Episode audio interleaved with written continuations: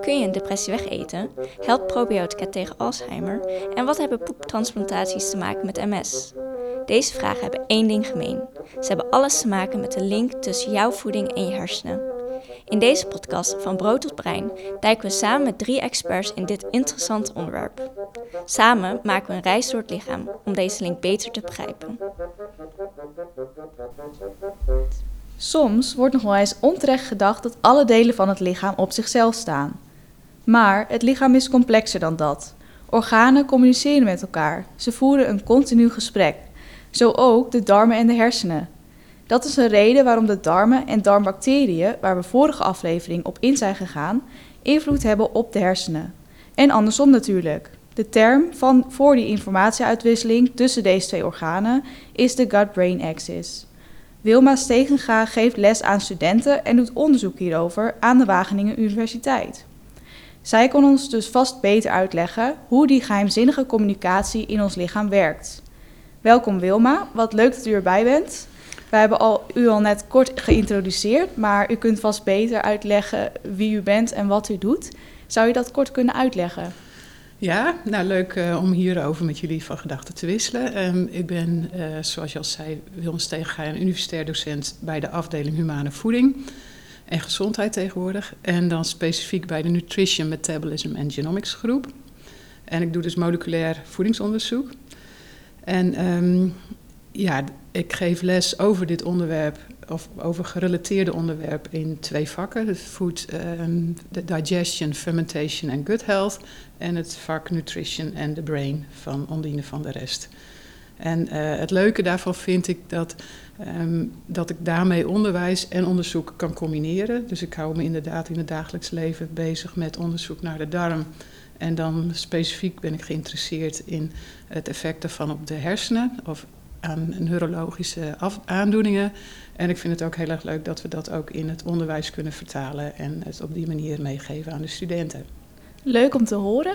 Wat ik heb gelezen is dat u eigenlijk van een ander gerelateerd vakgebied komt. Uh, hoe, hoe, bent u hier naartoe getrokken? Uh, nou, ik kom niet van een gerelateerd vakgebied. Heel ander. ja.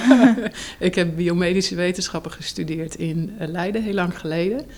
En uh, mijn promotieonderzoek was op uh, P53, het meest gemuteerde tumorsupressorgeen in humane tumoren.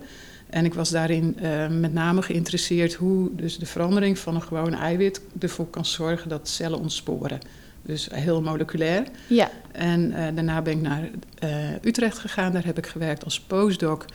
Nog steeds aan P53 om te kijken of we speciale adenovirale mutanten konden maken voor de diagnose van hoofd-nektumoren. Dus toen zat ik nog steeds in die richting. En daarna ben ik naar Nijmegen gegaan en toen ben ik helemaal geswitcht naar osteoporose. En in die tijd kwamen de microrays um, in de belangstelling en daar heb ik aan gewerkt om te kijken of we groeifactoren aan uh, botontkalking Um, of we daar oplossingen... En wat noemde u micro? Microarrays. Wat zijn dat? dus dat, zijn, dat is een methode om uh, op een hele efficiënte manier in één keer in 21.000 uh, genen te kijken wat er gebeurt met de transcriptieniveaus. Weet je, dus echt heel erg op moleculair niveau. Ja, ja. ja. En van waar die switch dan naar nu de darmen in relatie met de hersenen? Ja, dus van Nijmegen ben ik naar Wageningen gegaan. Toen heb ik eerst nog aan osteoporose gewerkt. Um, maar dat is lastig onderzoek, omdat de botten gewoon heel die vernieuwen elke tien jaar. Ja. En uh, celkweekexperimenten kunnen wel, maar die zijn ook vrij lastig. En het is moeilijk om geld voor dat soort projecten te krijgen. Ja. Dus toen ben ik van osteoporose doorgegaan naar aging. En, um, Veroudering. Ja. ja. En uh, onze toenmalige hoofd, Michael Muller, die wilde dat we met z'n allen aan de darm gingen werken. Ik werkte ook aan de lever en in de darm, maar toen heb ik dus de lever grotendeels opzij gezet. Want ik vind het heel erg leuk om samen te werken. En ik vond dat ik te veel op een eilandje zat binnen onze Ja. groep. Oké. Okay. Um, en dus toen kwam ik op aging terecht. Alleen, ja, jullie zullen zelf ook weten, het huidige onderzoek gaat zo snel. Ja. Je moet echt een onderwerpje zoeken om je op te specialiseren. En nou ja, ik vond de darm een leuk onderwerp, dus hij ging weg al kort na die beslissing. Maar toen ben ik op de darm gebleven. En um, ja, vervolgens vond ik het nog steeds te breed. En eh, toen, ja, ik vind, de, hele, ja, ik vind het enorm intrigerend hoe de darm mogelijk met de hersenen interactie in, eh, aan eh, kan gaan. En dus vervolgens ben ik daar uiteindelijk via die lange route op terechtgekomen. Ja, een hele lange route inderdaad. Het was niet zo snel. Ja. Nee, Ja. en wel grappig om te horen. Ja. En die eh, Good Brain Axis is dus het onderwerp waar wij het vandaag graag over willen gaan Ja. hebben. ehm, zodat we wat beter kunnen begrijpen wat het effect van de darmen en vooral het microbioom in de darmen is op de hersenen. Ehm, zou u deze term, de Good Brain Axis, even in uw eigen woorden uit kunnen leggen? Ehm, ja, dat eh, vond ik wel een leuke vraag. Want eh, als onderzoeker kom je, rol je ergens in en dan eh, heel veel mensen met de gut brain axis die denken met name aan de microbiota. Maar toen ik vorig jaar mijn online module voor het vak Nutrition in the Brain ging maken, moest ik dus heel goed nadenken van wat is eigenlijk de gut brain axis. En ik denk dat die veel breder is dan alleen de microbiota-interactie. En wat bijvoorbeeld belangrijk is, is dat er twee routes zijn. Dus er is signaling van de darm naar de hersenen, dus dat is de afferente pathway. En er is signaling van de hersenen naar de darm, en dat is de efferente pathway. En eh, dat hele circuit, dus die interactie twee kanten op, is van belang.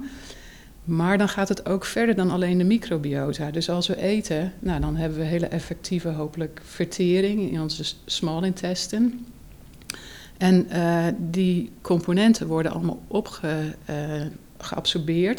En die kunnen enerzijds als voedingsstof dienen. Nou, met name in de embryonale ontwikkeling en early life zit er nog een enorme ontwikkeling in de hersenen.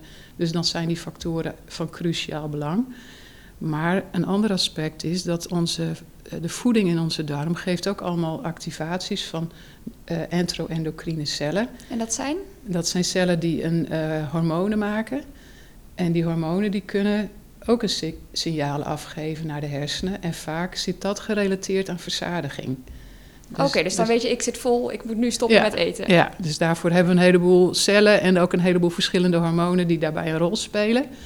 Dus dat zijn allemaal normale fysiologische processen. Eh, aan de andere kant heb je ook signalen van de hersenen die de darm activeren. Bijvoorbeeld als je gaat eten, dat er bepaalde plexussen worden aangestuurd die zorgen dat er allemaal release is van, ja, eh, hoe, hoe ga ik dat even netjes zeggen? Ja, van, eh, van verteringsenzymen dat die in het lumen van de darm terecht te komen, zodat ze verteringsactiviteit kunnen ehm, uitoefenen. Dus dat is bijvoorbeeld als er eten binnenkomt, dat onze hersenen de darmen aansturen. Ja. Oké. Ja. En kunnen de darmen dat niet zelf reguleren? Eh, nee, bepaalde dingen eh, niet. Dus er zitten bepaalde signalen werken lokaal.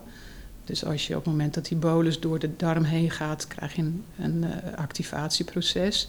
Maar er zijn ook signalen die gaan via de hersenen. Dus het gaat twee kanten op.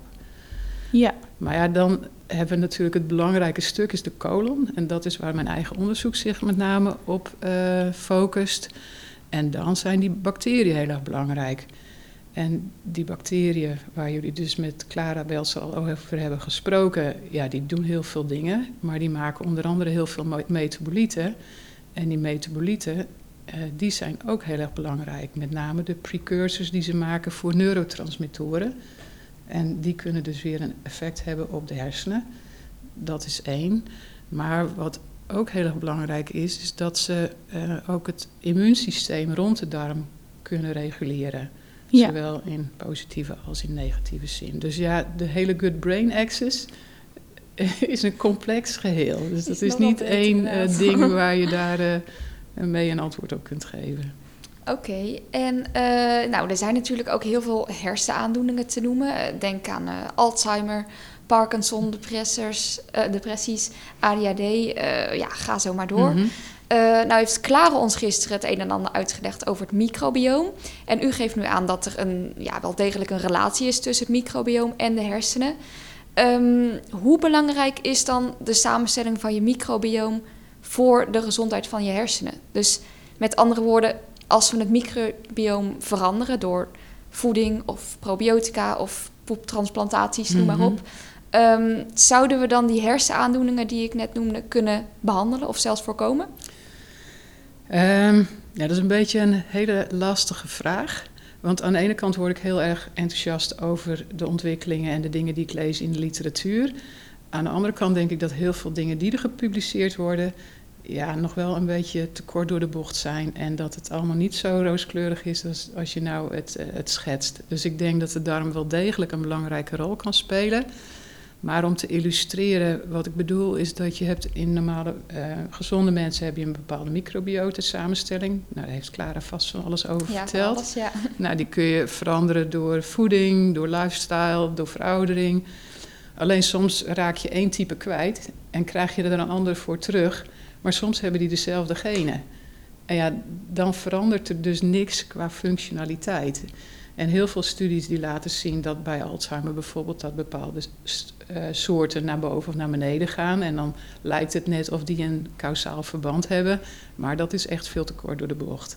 Dus zo kun je dat niet zeggen. Dus je kunt het wel uitbreiden door naar de functies van die bacteriën te kijken. Maar wat ik zelf denk dat nog belangrijker is, dat we gaan kijken naar wat ze doen. En um, dat we dus echt meten in de fecale samples of op andere manieren wat voor metabolieten, dus wat voor bioactive compounds er gemaakt worden. Want ik denk dat die mogelijk um, ja, een rol kunnen spelen. Dus dan kunnen we echt naar causale verbanden kijken. Dus dat is één. En de tweede is inflammatie. En op het moment dat je dus te veel pathogenen hebt of een, ja, een, een echt een disbalans en de darm wordt geïrriteerd en begint pro-inflammatoire cytokines te maken, ik denk dat dat ook een belangrijke rol speelt. Dus ja, ik denk dat we er wel wat mee kunnen, maar we gaan er niet Alzheimer mee genezen. Okay. Nee, helaas. Oké, okay. nou, het klinkt allemaal heel ingewikkeld. U heeft al allemaal dingen genoemd als neurotransmitters. We kunnen misschien beter even eerst teruggaan naar de basis, hoe die, uh, dat gesprek eigenlijk gaat dan tussen de darmen en de hersenen. Want uh, u noemde al dat er verschillende manieren zijn. Mm -hmm. Zou je daarover wat kunnen uitleggen? Uh, ja, dus die, die bacteriën maken bioactive compounds of metabolieten. En um, die dienen aan de ene kant als voedingsstof voor de omliggende bacteriën. Dus daar zou ik ja. daar ook vast wat over hebben verteld. Aan de andere kant kunnen die ook opgenomen worden um, via de intestinal barrier, uh, via de darm. Uh, Darmwand. ja. Dus die is heel. Uh, um, de, de endotheels, of de enterocyten van de darmwand, die zitten helemaal strak tegen elkaar aangesield, zodat je alleen maar bepaalde stoffen er normaal gesproken doorheen kunt laten. Dus dat is een ja. selectief transport en dan gaat het naar de bloedbaan. Ja. En via de bloedbaan kan het naar de hersenen. Maar, um, en dat is met name bijvoorbeeld voor neurotransmitters ook uh, relevant, maar ook voor andere stoffen, is dat ze ook kunnen, ze kunnen ook naar de vagusnerf en dan via de zenuwbaan. Dat is een zenuw die ja. uh, door grootte van het lichaam loopt. Ja, dus die loopt van de darm naar de hersenen en op die manier kunnen signalen ook doorgegeven worden naar de hersenen. Ja, maar even terug naar het bloed. Want er is natuurlijk een bloed-brein-barrière, mm -hmm. is het denk ik in het Nederlands. Ja. Kunnen al die stoffen daar zomaar doorheen? Nee, dat kunnen ze beslist niet. En dat is maar goed ook, want dat zou onze hersenen zouden beschadigen. En dus die, ik noemde net die enterocyten die tegen elkaar aangesield zitten met speciale eiwitten, de tight junction eiwitten. Dus die zorgen ja. ervoor dat ze echt strak tegen elkaar aanzitten. Die zitten ook in de endotheelcellen van de blood-brain barrier. Ja. En die zorgen dus ook voor dat die cellen heel strak tegen elkaar aanzitten. En um, over het algemeen, over het grootste gedeelte, kunnen de voedingsstoffen dus niet de hersenen in. Maar er zijn met name uh, in het midden van de ventrikels, daar zit wel ruimte. Want ja, dus de hersenen hebben natuurlijk ook voedingsstoffen nodig. Dus er zijn wel plekken waar wel uitwisseling is, maar lang ja. niet alles kan er naartoe. Nee. Maar gerelateerd aan de ziekte net als als de darm permeabel kan worden, kan ook de blood-brain barrier permeabel worden. Wanneer gebeurt dat dan? Uh, nou, bijvoorbeeld bij uh, ontstekingen. Dus de cytokines kunnen een effect hebben op de tight junctions, waardoor die cellen in de darm uiteengaan. Maar dat kan ook in de hersenen gebeuren. En bepaalde uh, stoffen kunnen ervoor zorgen. Bijvoorbeeld um, ja, toxines. Um, bijvoorbeeld toxines die in granen zitten, die veroorzaakt worden door fungi, door schimmels. Ja, die kunnen ervoor zorgen dat de tight junction eiwitten aangetast worden. Dus daar kan de darm permeabel mee worden. Ja. Maar met bepaalde stoffen kan ook de blood-brain barrier permeabel worden. En dan kunnen er stoffen in de hersenen komen die je eigenlijk niet in de hersenen wilt hebben. Ja, ja. eigenlijk het centrale eh, thema in heel veel eh, hersengerelateerde aandoeningen waar de darm mogelijk een rol bij speelt, is de inflammatie. En ik denk dat we daar kunnen we via voeding echt iets bereiken op meerdere, eh, voor meerdere neurologische aandoeningen. Dus ja, dat is echt belangrijk dat je met je voeding zorgt dat de ontstekingsniveaus in je darm zo laag mogelijk blijven. Want hoe ontstaan die ontstekingen dan? Nou ja, bijvoorbeeld door ehm, een dysbiose. Dus als je de microbiota samenstelling verandert en je krijgt te veel pathogenen. Of ze maken te veel producten ehm, die je beter niet kunt hebben. Dan raakt de darmwand geïrriteerd. Nou, 70% van je immuunsysteem zit, rond, eh, zit in je darm. Dus op het moment dat of de darm lek wordt... of er gaan componenten over die darmwand heen... en ze activeren de immuuncellen ja, dan gaan die een inflammatoire reactie laten zien. En op het moment dat die chronisch wordt, krijg je dus continu een stroom van cytokines door de bloedstroom. En wat is daar dan slecht aan? Ehm, nou, zie, als je een infectie hebt, is de bedoeling dat, je, dat het heel snel hoog wordt, Ja, maar daarna weer naar beneden. Echt, er zit altijd wat, maar zo laag mogelijk. ja, En als die inflammatoire cytokines chronisch zijn, ja, dan ja, krijg je een triggering van, ja, van beschadigingsprocessen. Sorry. Van beschadigingsprocessen. En dat is gewoon heel slecht voor je lichaam. ja, En zo kwam ik ook vanuit aging daarin. Want een van de factoren bij veroudering is dat je specifieke, eh, je adaptieve immuunsysteem, die wordt minder effectief. Dus mensen met corona krijgen, worden wel gevaccineerd. ja, Maar daar werkt het minder goed dan bij jou en zelfs bij mij. ja, Maar daarnaast komt inflammaging, zorgt ervoor dat ja, er een soort chronische, hele lage ontstekingsreactie komt. ja. En ja, dat is gewoon niet goed voor je lichaam. Dat zou je echt zoveel mogelijk moeten voorkomen. En, En hoe dat- kunnen we dat dan eh, voorkomen? Ehm, nou ja, helemaal voorkomen kun je het er niet mee, maar je kunt het wel laag houden door bepaalde ehm, voedingsmiddelen. Dus er zijn een, een aantal componenten met een anti-inflammatoire werking. Ehm, nou, dat veel zit in groente en fruit. Eh, polyfenolen Ja. is een, veel be- eh, een beroemd voorbeeld. Ehm, maar er zijn veel meer componenten. En ja, dat zit veel in plantaardige producten. Dus door te zorgen dat je minder factoren eet als vlees. En nou ja, de hele riedel van het western style diet. Maar dat je zorgt dat je meer naar niet geprocesste en met name plantaardige producten eh, gaat, eh, toegaat. Ja, dan heb je daar onder andere heel veel fytochemicaliën en die zorgen voor Fytochemicaliën, en dat ja, zijn? Dat zijn chemische componenten die gemaakt worden door plantaardige, eh, of die zitten in plantaardige producten. Oké, En er zit een heel scala in. En het is juist die combinatie van heel veel verschillende stoffen die met elkaar zorgt dat er een, ja, een remmend effect zit op de inflammatiereactie. Oké. Ja, dus een duidelijke boodschap. Meer plantaardig eten. ja. En eh, u noemt dus dat eh, inflammatie in- over het algemeen niet goed is, Mhm. is voor ons als het een langere periode duurt. ja. Is, het, is er ook een link met bepaalde specifieke ziekten? Of is dat nog te vroeg om te zeggen? Ehm, ja, weet je, als je de literatuur leest, dan kun je tegenwoordig zelfs voor een ontstoken teen kun je haast wel een relatie met de darm vinden. Echt overal wordt over geschreven. En ik denk dat, dat je hier met die inflammatie heb je eigenlijk het centrale thema. Dus ik geloof niet dat, dat die link zo sterk is. Maar heel veel bacterieveranderingen zorgen ervoor toch dat er een, een ontstekingsreactie meestal tijdelijk is in je darm.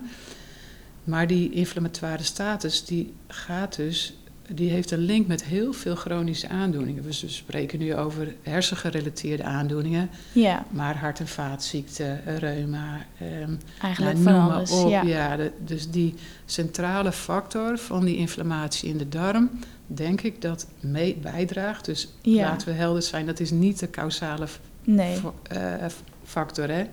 Maar die heeft wel een stimulerend effect. ja, het kan een rol spelen. Ja, En, en dus wat je kunt doen is proberen dat bijvoorbeeld door voeding of... Maar er zijn ook andere dingen hoor, door lifestyle, door goed te sporten. Ja. Nou, er zijn veel meer dingen, maar dat, misschien komen we er straks nog op... die je zou kunnen doen om dat eh, zo goed mogelijk te houden. Oké, we hebben het nu dus gehad over de communicatie eh, tussen de darmen en de hersenen via het eh, bloed. Het immuunsysteem hebben we het over gehad, eh, de zenuwbanen. Ehm, zijn er nog andere manieren waarop dit, dit gesprek tussen de darmen en het brein plaatsvindt? Of hebben we het nu allemaal gehad? Nou, de belangrijkste hebben we in ieder geval gehad. Oké, maar er zijn er nog meer dus. Eh, nou, het, het zit hem eigenlijk meer in de nuances. Ehm, en eh, ik, wat een van de dingen die ik denk dat nog wel goed is om te noemen, is, want we spreken nu over hele algemene mechanismen. Mhm. Maar ik denk zelf dat er heel veel eh, persoonlijke eh, effecten zitten. Dus jouw darmsamenstelling zal anders zijn dan die van mij. En dat kan dus betekenen dat bepaalde voeding voor mij belangrijk is, maar dat die bij jou minder effect heeft. En hoe komt dat dan? Uh, omdat door die samenstelling, uh, dus elk, elke bacterie heeft bepaalde enzymen waarmee die fermentatieprocessen kan reguleren. Alleen als jij andere bacteriën hebt dan ik, dan zullen ze dus de producten die je eet op een andere manier omzetten en andere producten uh, creëren. Nou, daarnaast heb je de, um, het effect dat die bacteriën elkaar voeden. Dus ook daarin zit een effect. Maar waar, wat ik vind dat echt een onderbelicht uh, aspect is nu, ik vertel jullie dat er heel veel plantaardige producten zijn en die zouden goed zijn. Ja. Alleen dat is te kort door de bocht. En waar ik denk dat we in de toekomst nog veel meer naartoe moeten, is toch kijken van, ja, hoe zit het uh, met jouw microbiota samenstelling? Uh, hoe reageert je op voeding? En wat zouden dan mogelijk voor jou goede producten zijn om aan te vullen of minder te doen? En dat kan voor jou en voor mij anders zijn. En daarvoor zie ik nog wel in de toekomst heel veel ja, nieuw onderzoek wat nodig is om daar meer van te leren. En dat zou ook iets kunnen zeggen over de componenten die dan over de um, intestinal barrier heen gaan. Nou, wat nog belangrijk is om te noemen, is dat ik vertelde al dat die darm, ja, die cellen zitten allemaal st strak tegen elkaar aan. Ja. En normaal laten ze niks door. En een hele poos hebben we gedacht dat je dus een leaky gut, dus een lekke darm, nodig had om allemaal rare effecten je lichaam in te krijgen. Maar er wordt ook onderzoek laten zien dat bijvoorbeeld um, componenten van de bacterie die in de bacteriedarm zitten, dus LPS, dat is een belangrijk, uh, belangrijk eiwit in de, um, de bacteriemembraan, ja. die kan ook samen gekoppeld met vetten over een intacte darmwand heen gaan. En dat LPS is een trigger. Als je dat gewoon in je darm hebt, gebeurt er niks. Want ja, er zitten duizenden uh, of, of, of, triljoenen bacteriën zitten ja. erin. Het zijn niet allemaal gram-negatieve, maar er zit heel veel LPS. Alleen als hij dus gekoppeld aan een vet over de darmwand heen gaat... ja, dan kan hij weer ontstekingsreacties uh, veroorzaken. Maar hij kan ook naar vetweefsel bijvoorbeeld gaan. En hoe komt dat dan, dat dat stofje, als die gekoppeld is, dan wel over de darmwand kan? Uh, ja, dat is een uh, goede vraag. Dat zijn andere transportmechanismen, waarschijnlijk via receptoren. En dat is toevallig ja. het onderzoek, het project waar ik net een, met een master thesis student en uh, okay. Jurian Mes van FBR over gesproken hebben. Dus dat zijn we aan het onderzoeken. Ja. Om te kijken. En dan kun je dus in celkweekexperimenten kun je dat testen. Dus dan kweek je darmcellen op een transwelmembraansysteem. Dus dat is een heel mooi membraansysteempje. Daar kun je een cellaagje op groeien. Die hang je in het medium. Ja. En dan heb je dus medium erbovenop en je hebt medium daaronder. En uh, wat we dus gaan doen is in dat bovenste compartiment LPS samen met uh, verzadigde vetzuren toevoegen. En dan kijken of het onderaan uh, uitkomt. En dan in het onderste compartiment kweken we hersencellen. Dus ja, en kweken jullie hersencellen, hoe doen jullie dat? Nou, je kunt ze kopen bij okay. firma's, je kunt ze ook zelf isoleren. Maar voor bepaalde vraagstellingen heb je echt humane studies nodig. Ja. Maar met de darm zijn ook dierstudies heel erg belangrijk. Want wat we nu doen is we verzamelen fecale samples, dus stoelsamples, poepsamples. Ja. En daarin kunnen we de microbiota onderzoeken, daarin kunnen we ook metabolieten onderzoeken. Ja. Alleen het probleem is dat heel veel metabolieten worden in het begin van de darm, van de kolom, dan als het door de fermentatie vrijkomt, worden ze meteen geabsorbeerd. Ja. En als wij dan helemaal op het eind van de rit gaan meten wat er in de fecale samples zit, ja, dan. Dat is niet representatief nee, meer. Nee. nee. En ja, daarvoor heb je dus eigenlijk dierstudies nodig. Dus dat hebben we ook gedaan. We hebben veroudering in muizen onderzocht. En dan kun je de darm na het opofferen van de muis openknippen. En dan kun je ter plekke dus stukjes fecale sample isoleren en dat onderzoeken. Dus dan doen we dat. Dan onderzoeken we en de microbiota samenstelling.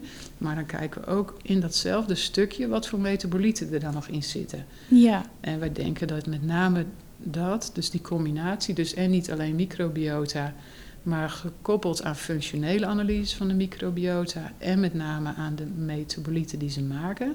ja, En dan kun je ook nog een stukje darmwand onderzoeken. Dus dan kun je ook kijken of er inflammatie is in de darm die mogelijk gerelateerd is aan een, een slechtere of een gezondere darm. En mogelijk eh, resulteert in effect op de hersenen, maar ook bijvoorbeeld in de lever of noem maar op. En kunnen we dat gelijk vertalen naar de mensen vanuit die muizenstudies? Eh, nee, want ja, de muis eet gewoon heel anders. Ja. Dus we kunnen er wel wat van leren. Maar ja, wat je aangeeft is inderdaad een beperking. Dus Ja. een, een diermodel. dus eigenlijk is een varken een beter eh, model voor de darmgezondheid dan de muis. En waarom is dat? Eh, nou, de, ehm, om diverse redenen, maar met name omdat het darmstelsel van, de, eh, van het varken meer lijkt op dat van de mens. En het voedingspatroon lijkt er ook meer op. De, muis is gewoon te anders. Dus ja, we, het, het biedt wel mogelijkheden, want zie, een muis is natuurlijk klein. Eh, Ja. het- hij leeft korter, dus bijvoorbeeld voor de verouderingseffecten waar ik dan in geïnteresseerd eh, ben. Ja, als je een varken oud moet laten worden, dat is een heel lang tijd. traject. Ja. ja, dus je moet echt kijken wat je wil weten om te kijken wat voor diermodel het beste is. En ja, natuurlijk moet je heel kritisch zijn, want ja, het is wel een ethisch punt. Je kunt niet dieren voor alles wat jij willekeurig bedenkt eh, maar inzetten. Dus je moet altijd Nee. kritisch zijn of de vraagstelling belangrijk genoeg is om er dieren voor te gebruiken en wat dan het beste model is. Ja, en uiteindelijk als we die mechanismen beter begrijpen, dan moeten we het ook nog in mensen testen eigenlijk. Eh, ja, dus dan, eh, dus, maar da- daar zijn, dus daar werk ik zelf op het moment ook aan. Dus we zijn bezig met, ehm, met diverse projecten. Dus ehm, samen met onderzoekers van ehm, Amsterdam en eh, Nijmegen en Groningen werken we aan het MOSIA-project. En dat is specifiek op eh, het effect van lifestyle eh, op, ehm, de op het preventie van cognitive decline. Dus cognitieve achteruitgang bij Ja. veroudering. En dan kijken we naar ehm, voeding, Ja, maar ook slaap. En ehm, eh, exercise, dus genoeg beweging. Maar ook eh, sociale factoren. Want er zijn al wel een, heel wat studies geweest die bijvoorbeeld met speciale diëten hebben gekeken of je dan. zie, Alzheimer kun je er zeker niet mee voorkomen in die zin, maar je kunt wel ehm, gezondheidsbevorderende effecten induceren. Alleen Ja. tot nu toe, als je alleen dieet neemt, zijn de effecten echt heel beperkt.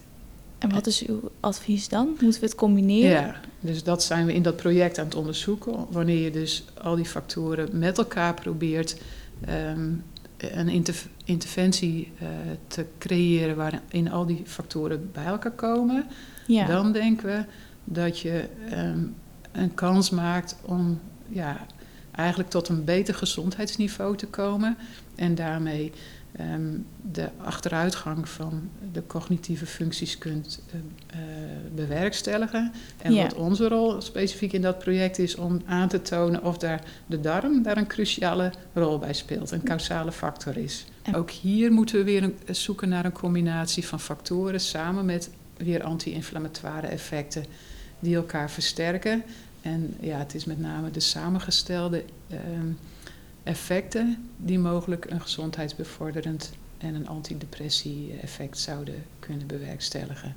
Er zijn ook studies dat ze één of meerdere eh, bacteriën bij muizen of bij mensen toedienen. En dan lijkt het er soms op dat ze een effect zien. En dan doet een andere studie hetzelfde en die zien het niet. Om eerlijk te zijn, denk ik zelf niet dat we het, eff- het hele probleem van depressie op kunnen lossen met een enkele Nee. bacteriestam. Dat zou wat te- te mooi zijn om waar te zijn. Het is natuurlijk ook wat complexer dan, Ja, dan dat. Precies. Ja, Ja, want daarbij belangrijk is dat genetische factoren een belangrijke rol spelen. En iedereen heeft zijn eigen genetische factoren. ja. Dat is ook een reden dat de ene wel gevoelig is voor depressies en de andere Ja. niet. Je moet erg kijken naar het specifieke geval. Ja, ja. Oké. Ehm, Dus het microbioom zou eigenlijk nooit echt als, als ja, genezing kunnen, kunnen dienen voor een hersenziekte. Eh, nou, puur als genezing niet. Maar ik denk wel dat als je eh, dus zorgt voor een goede darmgezondheid, dat je wel processen kunt vertragen en eh, in ieder geval voor een deel voorkomen. Oké, dus een ziekte ook later tot uiting komt bijvoorbeeld. Ja, ik denk bijvoorbeeld een van de risico's van onze obesogene, dus onze gene, eh, samenleving met heel veel overgewicht, ja, is dat daar ook heel veel inflammatieprocessen, Ja. ook in de darm, ehm, ja, bij komen kijken. En ja, ik maak me eerlijk gezegd wel zorgen, zoals jullie weten, dat is voor de, voor de mensen nu al niet handig en eh, ja, heeft schadelijke effecten. Maar ik ben bang dat ook de effecten daarvan op de langere termijn ook kunnen zijn dat dat soort neurale aandoeningen ja, versterkt worden. En ja, de, het dus is door het overgewicht bedoelt u? ja, eh, omdat daar veel mensen met overgewicht hebben al laag ontstekingsprocessen in de darm. En ja. Ja. wat ik net heb uitgelegd is dat die meewerken in de hele etiologie van, die, ja, van heel veel chronische aandoeningen. En ja, het is natuurlijk moeilijk omdat er heel, een hele sterke genetische component in zit bij het obesitasprobleem. Ja, Dus je kunt niet tegen mensen zeggen van nou eet maar wat minder, want zo werkt het niet. Maar je zou wel kunnen proberen dat ook als je moeite hebt om de balans weer beter te krijgen, dat je in ieder geval toch meer goede producten eet. Dus die plantaardige producten en minder van die vetten die mogelijk ervoor kunnen zorgen dat die LPS over je darmwand eh, het weefsel ingaat. ja. Dus zelfs daar zou de darm nog wel. een belangrijke ja, rol in spelen. Ja. Ja. Ook En dus- wat is volgens u nog ja, iets wat echt moet onderzocht worden in de komende jaren? Ja, ik, eh, ik vind dat we veel, eh, dat we die associaties en correlaties moeten, die moeten we gebruiken als start-up, maar dat we echt moeten kijken hoe werkt het. Want als je, ja, dat is natuurlijk, dan kom ik terug naar mijn opleiding. Ik geloof heel erg dat als we de mechanismen begrijpen, hoe dingen gereguleerd worden, dan kun je ook voorspellingen doen. Van Ja. wat is goed en wat is niet goed en hoe kun je bepaalde dingen bij elkaar brengen om het effect te versterken. Dus ja, eh, ik vind we moeten, het, het is veel speculatief geweest en het is ook heel erg opgeblazen allemaal. Maar nu hebben we de eerste hype gehad. En wat we bijvoorbeeld ook heel erg moeten doen nu, vind ik, is onze methodes verbeteren. Want op een gegeven moment springt de hele wereld op, op dat, in op dat fecale onderzoek. En iedereen doet van alles. Alleen, nou, dat is een van de dingen waar ik me net in heb verdiept voor ons nieuwe project. Eh, hoe verzamelen we de samples op een goede manier? Bijvoorbeeld die serotonine, als je dat wil meten, dan moet je bijvoorbeeld platelet-rich plasma hebben. Dus als je dan, dat is dus een plasmatype waar heel veel bloedplaatjes nog in zitten, want daar gaat die serotonine in zitten. Maar dat is niet iets hoe je een normale studie doet.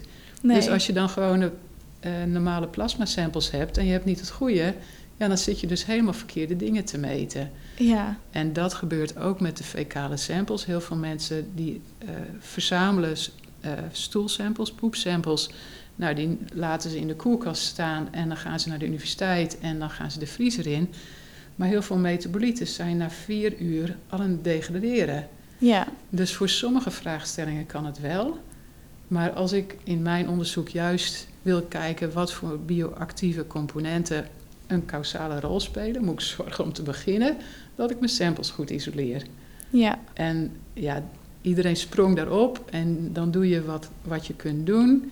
ja, En nou, bijvoorbeeld ook de homogenisatie. Dan, eh, ja, jullie kennen misschien die zelf, die samples ook wel. Dan heb je een stripje en dan tik je wat aan in je ontlasting. Maar ja, je ontlasting is niet over de hele Nee, stuk hetzelfde. En het Ja. is morgen weer anders dan vandaag. ja, Maar het lastige is als je dan, we gaan dus nu meerdere samples nemen, maar dat maakt je studie heel erg duur.